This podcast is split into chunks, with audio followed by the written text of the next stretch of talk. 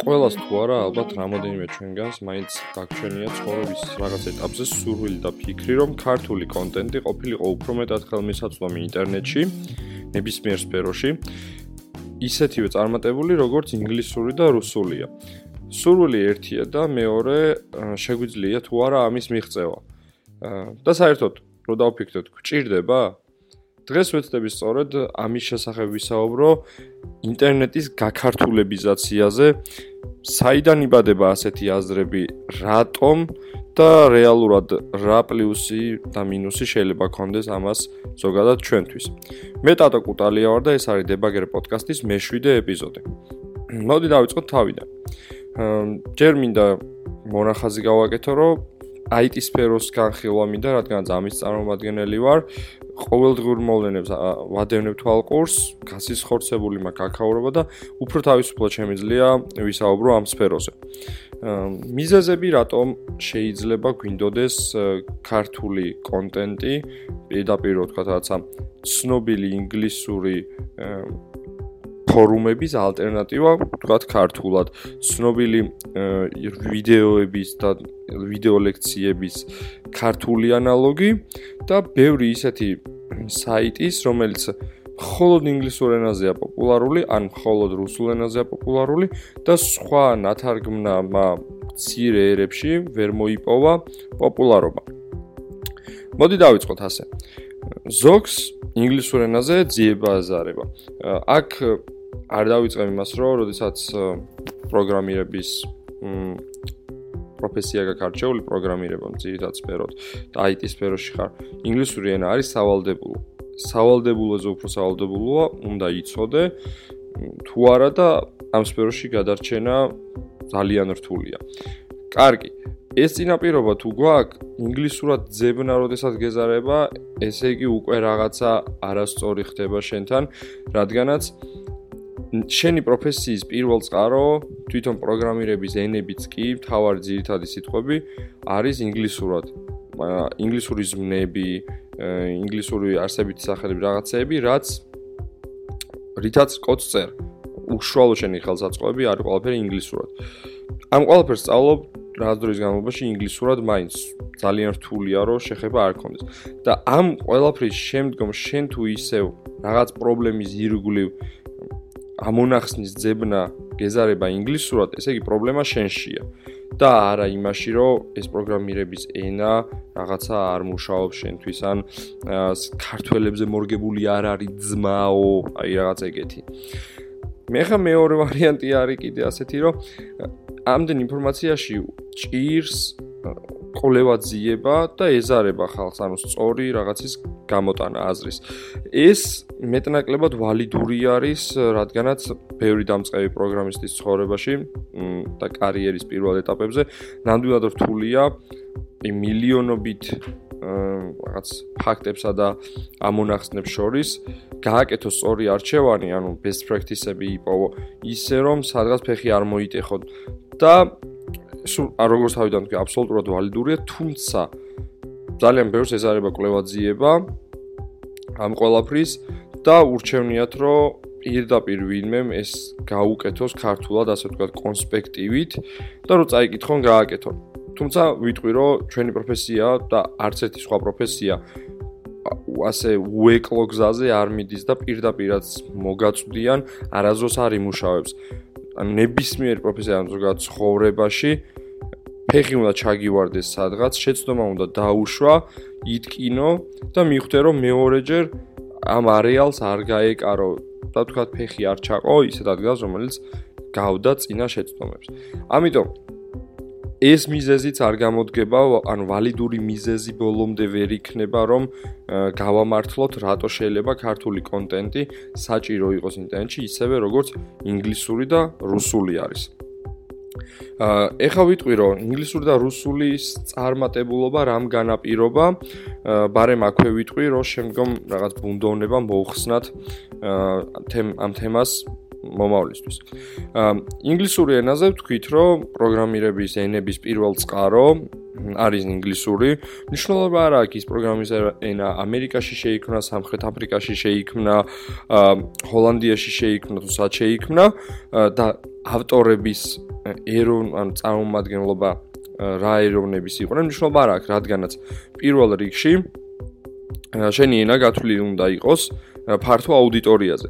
ფართო აუდიტორიაზე გათვლა ნიშნავს, რომ მე საქართველოსში რო გავაკეთებ, არ მინდა მხოლოდ 10000 კაცზე გავთვალო, ან არ მინდა რაღაც ძალიან ვიწრო კონტენტზე იყოს. მე მინდა რაც რო გავაკეთებ, ის გამოიყენოს ვიღაცა მონღოლეთში იგივენაერად, როგორც ვიღაცა სოფელ ზემომატანში გამოიყენებდა, ხო? აა ასეთ ენად რადგანაც ძალიან წარმატებული და წინ წაწეული ქვეყნები იყვნენ ამერიკა ან ევროპა და შემდგომ ამერიკა შეიძლება შტატები არიან და დაიწყეს რაღაცების ინგლისურად კეთება. საერთაშორისო ენა ინგლისური და ასევე არ მინახავს რომ ისე უხდებოდეს სხვა ენა პროგრამირების ენებს როგორც თქვა ინგლისური, იმიტომ რომ ყველაფერი არის ხელმისაწვდომი იმის გამო რომ საერთაშორისო ენა საშუალებას იძლევა ნებისმიერ ქვეყანაში ნებისმიერი მასალა ითარგმნოს ინგლისურად, დაიდო ძალიან ბევრი მასალა და ასე შემდეგ, ასე შემდეგ. ანუ მოკლედ რომ მოვყარო თავი ამ რაღაც ბევრი აბდაუდის garaშე, ინგლისური წარმატებულობა არის რომ ძალიან დომინანტური ენა არის ნებისმიერ კონტინენტზე და ძალიან ბევრი მასალის მოპოვება შეიძლება ამავდროულად ინგლისური ენა თითქმის სკოლის ასაკიდან ისწავლება ძალიან ბევრ ქვეყანაში, ამიტომ ნებისმიერ ადამიანს რაღაცა პრერეკვიზიტი უკვე აქვს, სანამ პროგრამირებას დაიწყებს. აა ვინმე ალბათ შემედავება და ახსენებს, რომ არსებობს ესეთი ენები, სადაც ინგლისური არა გამოყენებული, მართალია, მაგალითად 1C, აძინსის, როგორც ეძახიან რუსები, არის აბსოლუტურად აა რუსულ ენის ენაზე დაჯენილი. ყველა სიტყვა არის რუსული ზმნებიდან აღებული. SQL სინტაქსიც რუსულად იწერება. საერთოდ კოდი იწერება რუსული ალფავიტით. კი არის, მაგრამ ამის წარმატებულობა ვერ გაცდა რუსეთს და დსთ-ს ქვეყნებს ისიც ძალიან ისე მასობრივი არ არის. ანუ ძალიან ვიწრო სფერო აქვს. ესაც შეეხება ენებს. ეხლა მოდი ასე ვთქვათ, რომ რატო გახდა მაგალითად ფორუმები ინგლისურად და რუსულ ენაზე განსაკუთრებით რადგანაც კაი ინგლისური გასაგებია რომ პირველად წყაროა ნებისმიერი ეს საკითხი ინგლისურად წარმატებული იქნებოდა. კარგი დავასვათ. რუსული რატო გახდა დიდი? რუსულიც არის საერთაშორისო ენა. რუსეთი არის ძალიან დიდი და რუსეთი არ მოიცავს მარტო იმ გეოგრაფიულ დებარეობას, რაც პოლიტიკურად ეხა უჭირავთ. სლავი ხალხი ბევრად შორს არის წასული. ამავდროულად ძალიან კარგად არის რუსეთში აწყობილი ეს თარგმნილობითი პროცესი, ნებისმიერი ტექნოლოგიის ადაპტირება და სწორედ ამ ტემპების გამო და რადგანაც ბევრნი არიან, ისინი თვლიან, რომ მათ ჭირდებათ ყველაფრის ალტერნატივა და ამავდროულად რუსეთს რაღაც მენტალურად აქვს ასეთი რაღაც, რომ ყველაფერი უნდა იყოს რუსულად. მაგალითად, რუსი სამხრეთ აფრიკაში რო იყოს, მაღაზიაში რო შევიდეს, რუსულად დაელაპარაკება ადამიანს, იმიტომ რომ ასეთი საბჭო, ანუ სამხრეთ აფრიკაში არ ყოფილვარ, მაგრამ ბევრ ქვეყანაში მინახავს, რომ რუსი სადაც ჩადის, ყველაფერს მაინც თავის რუსულად უდგება, სანამ მიაკითხავს ინგლისურ ენას ან სხვა ალტერნატიულ ენებს. სწორედ ასეთი რაღაცების გამო რუსებს აქვს ძალიან ბევრი რაღაცა ნათარგმნი თავიანთ ენაზე. ეს არის ძალიან მაგარი, რადგანაც ისინი საშუალებას აძლევენ თავისივე ხალხს, ვისაც თქვა სულ არ აქვს ინგლისურენოვან ან ისეთ რესურსებზე, რომელიც მოძიებაც შორს ევროპანარ რთულია და უფრო ხელმიუწვდომელია, თარგმნიან თავისივე ეროვნულ ენაზე, მშობლიურ ენაზე და ამით იხდიან ხელმისაწვდომს. ეს არის დიდი ქვეყნების თქვათ პრივილეგია შეიძლება რომ აი ამდენი რესურსი ჩაიდოს, აი ასეთი რაღაცები გქონდეთ და გააკეთონ. კარგია, ეს ცუდი არ არის. ამიტომ არის რუსული ფორუმები, რუსული ციგნები და რუსული რაღაც კომუნიტები, კომუნები. ასე ისეთივე დიდი, როგორც თქვათ სხვა ალტერნატივები ინგლისურ და სხვა ენებს შორის. მაგრამ რა ხდება? მაინც იმდენად ბევრი ინფორმაცია მოდის ინგლისურენოვანი ქვეყნებიდან და ზოგადად ამ ინგლისურენოვანი კომუნადან, რომ თვითონ რუსულენოვანი კომუნაც ვერ ასწრებს ხოლმე თარგმანში და პუბლიკაციებში დაწევას. ანუ იმდენად ბევრია, ანუ თვითონ ამდენად კარგად განვითარებული ინდუსტრია როგორც რუსეთში არის ამ ყველაფრის თარგმნელობითი და ალტერნატივების შექმნით, ესეც კი ვერ ასწრებს ხშირად დაწევას. არ გულისხმობ ხა ჰაბრა ჰაბრს ან რამოდენიმე ისეთ საიტს, რომელიც თლიანად ორიენტირებულია ვიწრო სპეციფიურ რაღაცაზე და იქ იწერება სიახლეები. რა თქმა უნდა, ისინი თითქმის მიყვებიან ერთ-ერთზე, რადგან სადაც დაიწერება, ესენი ეგრევე გადმოთარგმნიან და აქ მიდის რუსულად გაჩაღებული რაღაც კვლევაძიება, ერთი ინგლისური კომენტარი რო დაწერო, შეიძლება მინუსებში გაგიყვანონ კომენტარებში, downvote-ი გაგიკეთონ, იმიტომ რომ კაცრად რუსულ რუსულად მოლაპარაკე საზოგადოება არის. ეხლა ძალიან ბევრი ვილაპარაკეთ ამ რუსებზე და რუსულ ენასა და ინგლისურ ენაზე. და ალბათ ყველა ხვდებით სად ვართ ჩვენ. ჩვენ პატარა ქართველები პატარა საქართველო. რომელიც მოლაპარაკეთა რაოდენობით ახლოსაც ვერ მივალთ სლავურ ანუ რუსულ ენაზე მოლაპარაკე ხალხთან ჩვენი დამწერლობითაც რა პუბლიკაციებიც არის გაკეთებული ვერ შეედრება ის რაც კირილიცაზეა დაწერილი არა თუ ლათინურ ენაზე ანუ ინგლისურზე დაწერილს. და ჩვენი შიდა მოთხოვნებიც თქვათ რომ წავიდეს ტექნოლოგიური წიგნების თარგმნა და შემდგომ ამის შესყიდვა ნებისმიერ ქართული ბლოგი რო გაკეთეს ისეთივე ალტერნატივა და ფორუმი როგორც არის ინგლისური ან რუსული ჩვენ უბრალოდ იმდენი მოთხოვნა არ არის ჩვენ ბაზარზე და ვერ დავეწევით იმ მიმდინარე სოფლიოს ტემპს რაც უნდა იყოს. ეხლა აქედან გამოდის კითხვა. საერთოდ გვიღირს რომ ამ ამისთვის ოდნა მაინც ხელის განძრევა რადგანაც ძალიან პატარა ვართ და ძალიან შორს ვართ. აა და აქ მაინც გამხშირად ხდება აი ესეთი რეპლიკები სოციალურ ქსელებში რომ აბაძმაუ ჩვენს ენაზე არ უნდა გქონდეს არა არ უნდა გქონდეს ჩვენს ენაზე ჩვენს ენაზე შეიძლება გქონდეს საფუძვლები რომლებიც აი თქვა უნივერსიტეტში ან პრეუნივერსიტეტამდე პერიოდში არის კომპიუტერული მეცნიერების საფუძვლები, რომლებიც უკვე არის, ასე ვთქვათ, შტამპ დარტყმული, რომ ეს ასე არის. აა ალგორითმები, ალგორითმების გარჩევა და რაღაცები, რაღაცები, რომლებიც, ვთქვათ, 5 წლის მერეც რო ისწავლო, ის არის ისე და არ შეიცვლება.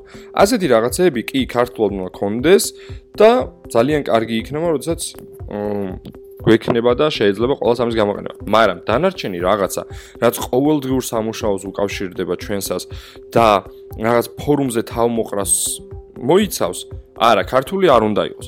მაგალითისთვის, ქართული ფორუმჯი ავიღოთ, ანუ ქართული ფორუმჯი არის რაღაცნაირად ანუ ყველა ჩვენგანს ალბათ ფორუმჯის გახსენებასაც დაულის მოგონებებში ერთი 10 წლის წინანდელი ისტორიები რა ხდება ქართულ ფორუმზე. დღესაც იგივე ხდება. 10 წელია ქართულ ფორუმზე სიტუაცია არ შეცვლა. არა არა ფორუმის დიზაინი და რაღაც სპამ ფილტრი, რომელიც 5 წამი კიდე გაყოვნებს ფორუმზე. არა, არაფერი არ შეცვლა. და არც იქაური დისკუსიების ხარისხი არ შეცვლა 10 წლის განმავლობაში, რაც იყო მანამდე. თქვა www ჯგუფში. ასე რომ არა, ჩვენ არ გვჭირდება, თქვათ, ჰაბრაჰაბრის ქართული ალტერნატივა. არა, არ გვინდა. Stack Overflow-ს ქართული ალტერნატივა ჩვენ არ გვჭირდება. იმიტომ რომ Stack Overflow-ზე რაც დაიწერება 24 საათის განმავლობაში ინგლისურ ენოვნად, ჩვენ მას ვერ შევქმნით ალბათ 1 წლის განმავლობაში. იმიტომ რომ ძალიან ცოტა ვართ და არ გვჭირდება. და ეს ეროვნულობის რაღაც გამოვლინება, უაზრო პატრიოტიზმი, თო ქართული არ უნდა იყოს, არ არის საჭირო. აი მაგალითად ქართული Stack Overflow-ს რო განვიხილოთ იქნება სრული კრახი. რა რატო შევდივართ Stack Overflow-ზე ვთქვათ? იმიტომ რომ პირველ წყაროდ არის ისევ ინგლისური, ჩვენთვის ყოველთვის ახლობელია ინგლისური და მილიონობით მომხმარებელია, რომლის აზრიც რელევანტურია. ქართულ ანალოგში თქვათ იქნება 10000 კაცი მაქსიმუმ და აქტიური იქნება ალბათ 100 ადამიანი. და იქიდანაც რამდენი მოგცემს ისევ ქართულად პახსულს, ანუ აზრი იკარგება, მთლიანი აზრი ყდება. საქართველოს Stack Overflow-ს ვერავინ ვერ გამოიყენებს. ანუ უაზრო პატრიოტიზმია. არ გჭირდება. საძიებო სისტემები მაგალითად საერთოდ რა საჭირო რომ ქართულად იყოს, როდესაც Google-ს, DuckDuckGo-ს და ასე შემდეგ ძალიან კარგი ქართული ხარდაჭერა აქვს. არანაირად არ გჭირდება ქართულად რაიმეს ეგეთის გაკეთება და ძიება. აი ცოტა მაუცებს კიდევაც რომ აი ზოგჯერ გერმანელებს აქვთ ხოლმე კიდე ძალიან ბევრი ალტერნატივები თავიანთ გერმანულ ენაზე ყველაფრის და ზოგჯერ მიკვირს რომ რაში ჭირდებათ იმ ან დიდი ერია მესმის. ძალიან ბევრი რაღაცა აქვთ მაგრამ მე ალბათ ცოტა მიჭირს იმის დაკავშირება ყოველდღურად გერმანულზე ანუ რა რა ხდება ისეთი რომ დაგჭირდეს აუცილებლად გერმანული და თქვა არ გამოიყენო ინგლისური. აა კიდევ ერთი ვარიანტი და ესეთი არის ეხლა რაც წავიკითხავ მინახია ქართულ სოციალურ ქსელებში და რა ხდება მინდა უბრალოდ სიტუაცია გაგაცნო და თქვა რა. ერთ ზოგიერთი ადამიანის პოზიცია არის რადიკალური, რომ ყველაფერი ქართულად უნდა იყოს. აი, ყველაფერი, ყველაფერი, ყველაფერი, ყველაფერი. ხელოვნური ინტელექტი, ძმაო, მანქანური სწავლება ქართულად უნდა იყოს, ქართულად უნდა ვასწავლოთ. აბა რა. კი, ქართული NLP რო კონდეს ძალიან მაგარია და თქვა და არის, რამოდენიმე კომპანია მუშაობს, მაგრამ ყველაფერი ქართულად არ არის საჭირო. არა. არ მაგათ GitHub-ის გაქართულება, Stack Overflow-ის გაქართულება, როგორც თქვი, PHP net-ის გაქართულ რაღაცებია. უაზრობა არის. და ანუ რაღაც ასეთი ტრენდია, საიდან საუბარი დაიწყე საერთოდ. ქართულ დეველოპერში სადღაც э რომელიღაცა ეტაპზე ეროვნული სულის კვეთება იღვიძებს, რომ ქართულად უნდა გავაკეთოთ ჩვენ ყველაფერი და რაღაც ეგეთი. ხო და მაინტერეს უბრალოდ საიდან, იმიტომ რომ როდესაც პროგრამერს იწყებს ყველა ადამიანს IT სფეროში შემოდის ადამიანი, უნდა რომ თავისუფლი ენაზე რაღაცები ქონდეს, მაგრამ როგორც კი ერთ ნაბურნაბის გადადგა, მიხვდები რომ არა, არ არ გჭირდება. მაგრამ ის ხალხი ყოველთვის ტივტივდება ყოველ წელს რაღაცის ახალი ბუშტები რომ კი კი კი გვინდა გვინდა გვინდა გადაივლის ეს ტალღა. მე ისევ გვინდა გვინდა გვინდა გვინდა და აი ასე რა ასეა. აი ხა წარმოვიდგინეთ ერთი ძალიან კაი მაგალითი უბრალოდ ქართულად რაც უდად გვექნებოდა საქმე. inner join-ი როგორ გავაკეთოთ MySQL-ში? ანუ how to inner join MySQL? ან რაღაც ეგეთ keywords დაწერ და Stack Overflow Google ყველაფერი გეძებს ანუ ქართულად ეს როგორ უნდა მოუძებნო უბრალოდ? ანუ რაღაცა ანუ არც კი ვიცი როგორ თარგმნო. ანუ რაღაც ორი ცხრილის კარტეზული ნამრავლი ან რაღაც ანუ რაღაც ეგეთი ამოვიკითხე ადრე Facebook-ზე. ძალიან კაი კომენტარი ეწერა ერთ ადამიანს, მაგრამ ანუ ვებ სიმართლე გითხრა, ვერაზოს ვერ გადავთარგმნი ამას ისე, რომ შესაბამის რეზულტატი მივიღო. ანუ ამდენი იმიტომ ვილაპარაკე, რომ ჩემო მეგობრებო, რომ ინტერნეტის გაქართულებიზაცია ეს ჩვენი ეროვნული სულისკვეთება, მოდი ჩვენივე გულში დავიტოვოთ, ვისაც გვაქვს და უბრალოდ ამ დემაგოგიით ნუ წამოწევთ თემას და უბრალოდ არ არის საჭირო. არანაირად არ გამოდის, რადგანაც ვართ ცოტანი, პატარები და ეს სფერო ჩვენი მოგონილი არ არის და არც იმდენი კონტრიბუცია გვაქვს, რომ ამაში გვეთქმოდეს ჩვენ დიდი სიტყვა. ამიტომ ჯობია ასპარეზი დაუთმოთ იმათ, ვინც ამ სფეროს ლიდერები არიან, მიყავთ ეს სფერო წინ და ჩვენ უბრალოდ გამოვიყენოთ და ვიცადოთ, გავხდეთ კარგი პროფესიონალები, რომ შემდგომ შევქმნათ ესეთი რაღაცა, რაც ჩვენ ქვეყანას ვაამაყებთ და წინ წავწევთ სოფლიო ასპარეზზე. და არა ის, რომ აი მოდი კიდე ერთი ქართული ალტერნატივა გავაკეთოთ რომელიმე საიტის. დღევანდელი ეპიზოდი ცოტა დიდი იყო. დიდი მადლობა ვინც მისმენდით. ეს იყო მე-7 ეპიზოდი. შევხვდებით მომავალში. მადლობა.